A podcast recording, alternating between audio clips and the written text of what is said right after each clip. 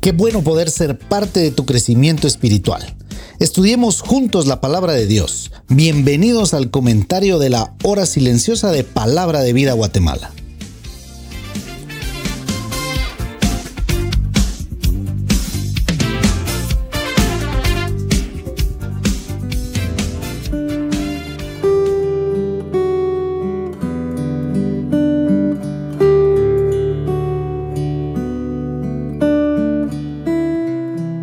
Es saludaros nuevamente en el comentario de la hora silenciosa. Hoy estamos en Lucas capítulo 12 versículos del 35 al 48. Estén enseñados vuestros lomos y vuestras lámparas encendidas, y vosotros sed semejantes a hombres que aguardan a que su Señor regrese de las bodas, para que cuando llegue y llame, le abran enseguida. Bienaventurados aquellos siervos a los cuales su Señor, cuando venga, halle velando. De cierto os digo que se ceñirá y hará que se sienten a la mesa y vendrá a servirles. Y aunque venga la segunda vigilia, y aunque venga la tercera vigilia, si los hallare así, bienaventurados son aquellos siervos. Pero sabed esto, que si supiese el padre de familia a qué hora el ladrón había de venir, velaría ciertamente y no dejaría minar su casa. Vosotros pues también estad preparados porque la hora que no pensáis, el Hijo del Hombre vendrá. Entonces Pedro le dijo, Señor, ¿dices esta parábola a nosotros o también a todos?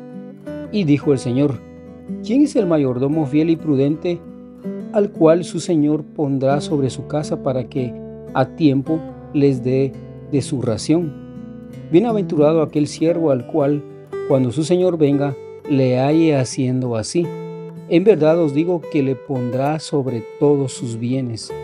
Mas si aquel siervo dijera en su corazón, mi señor tarda en venir, y comenzaré a golpear a los criados y a las criadas, y a comer y a beber y embriagarse, vendrá el señor de aquel siervo en día que éste no espera, y a la hora que no sabe, y le castigará duramente, y le pondrá con los infieles aquel siervo que conociendo la voluntad de su Señor no se preparó ni hizo conforme a su voluntad, recibirá muchos azotes.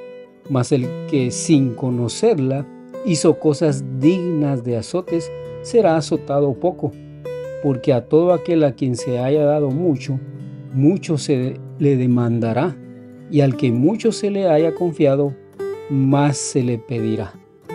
Hasta aquí al versículo 48 termina la lectura del día de hoy. Como hemos visto al inicio de este capítulo, Jesús está hablando principalmente a sus discípulos, a su círculo íntimo. Les advierte sobre varias verdades. Hoy veremos dos verdades que nos animan a estar preparados esperando su venida.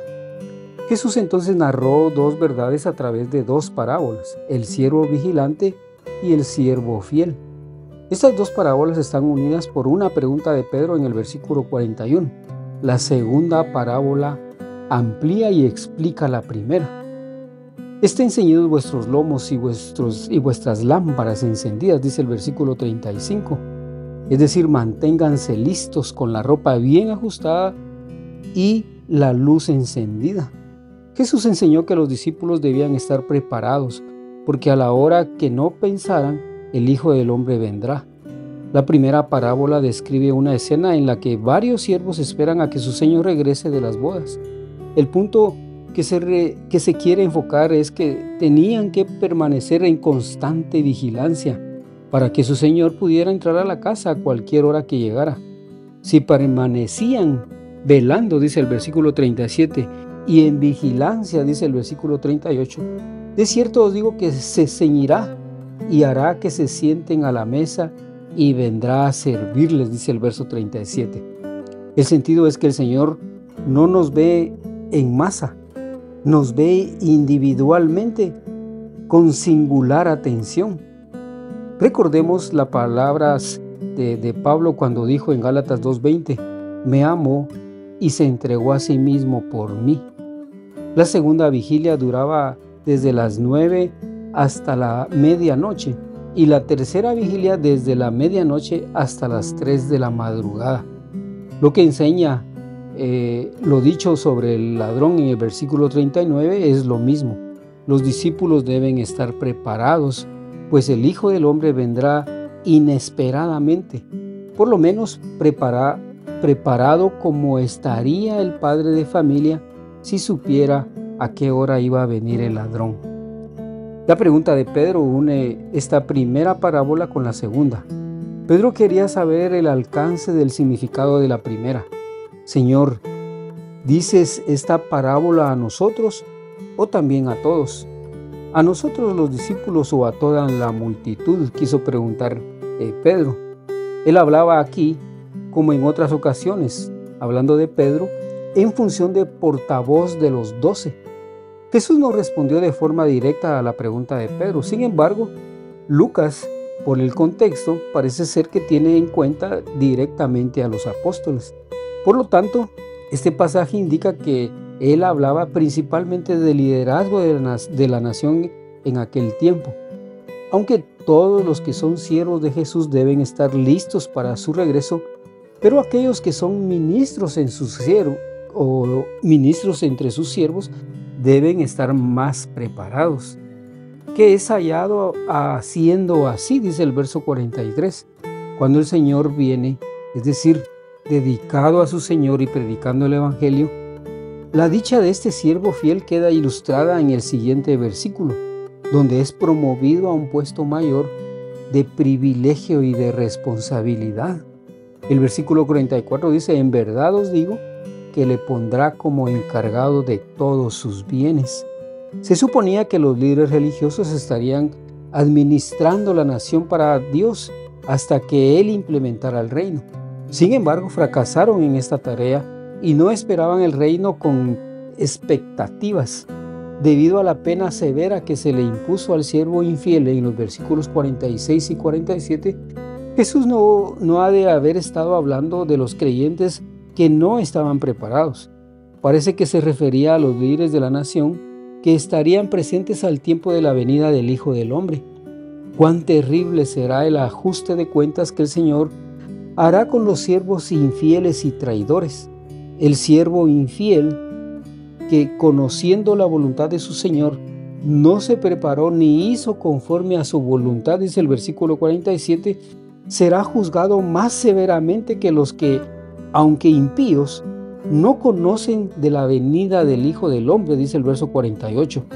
Los incrédulos que tienen eh, un gran conocimiento de la revelación de Dios tendrán que responder por su indiferencia a esa revelación que les fue dada.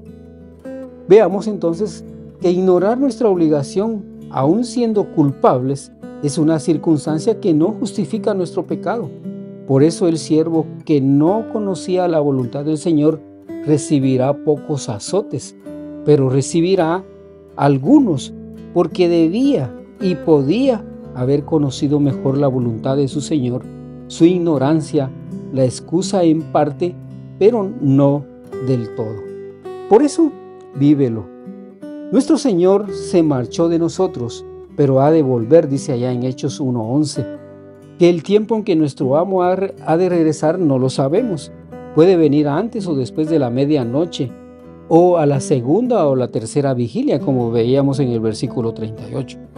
Lo que el Señor espera de sus siervos es que al llegar Él y llamar, le abran enseguida, dice el verso 36, porque estarán vestidos y velando con las lámparas encendidas. Mi nombre es Carlos Bo. Como siempre esperamos que esta palabra cumpla sus propósitos en tu vida. Bendiciones.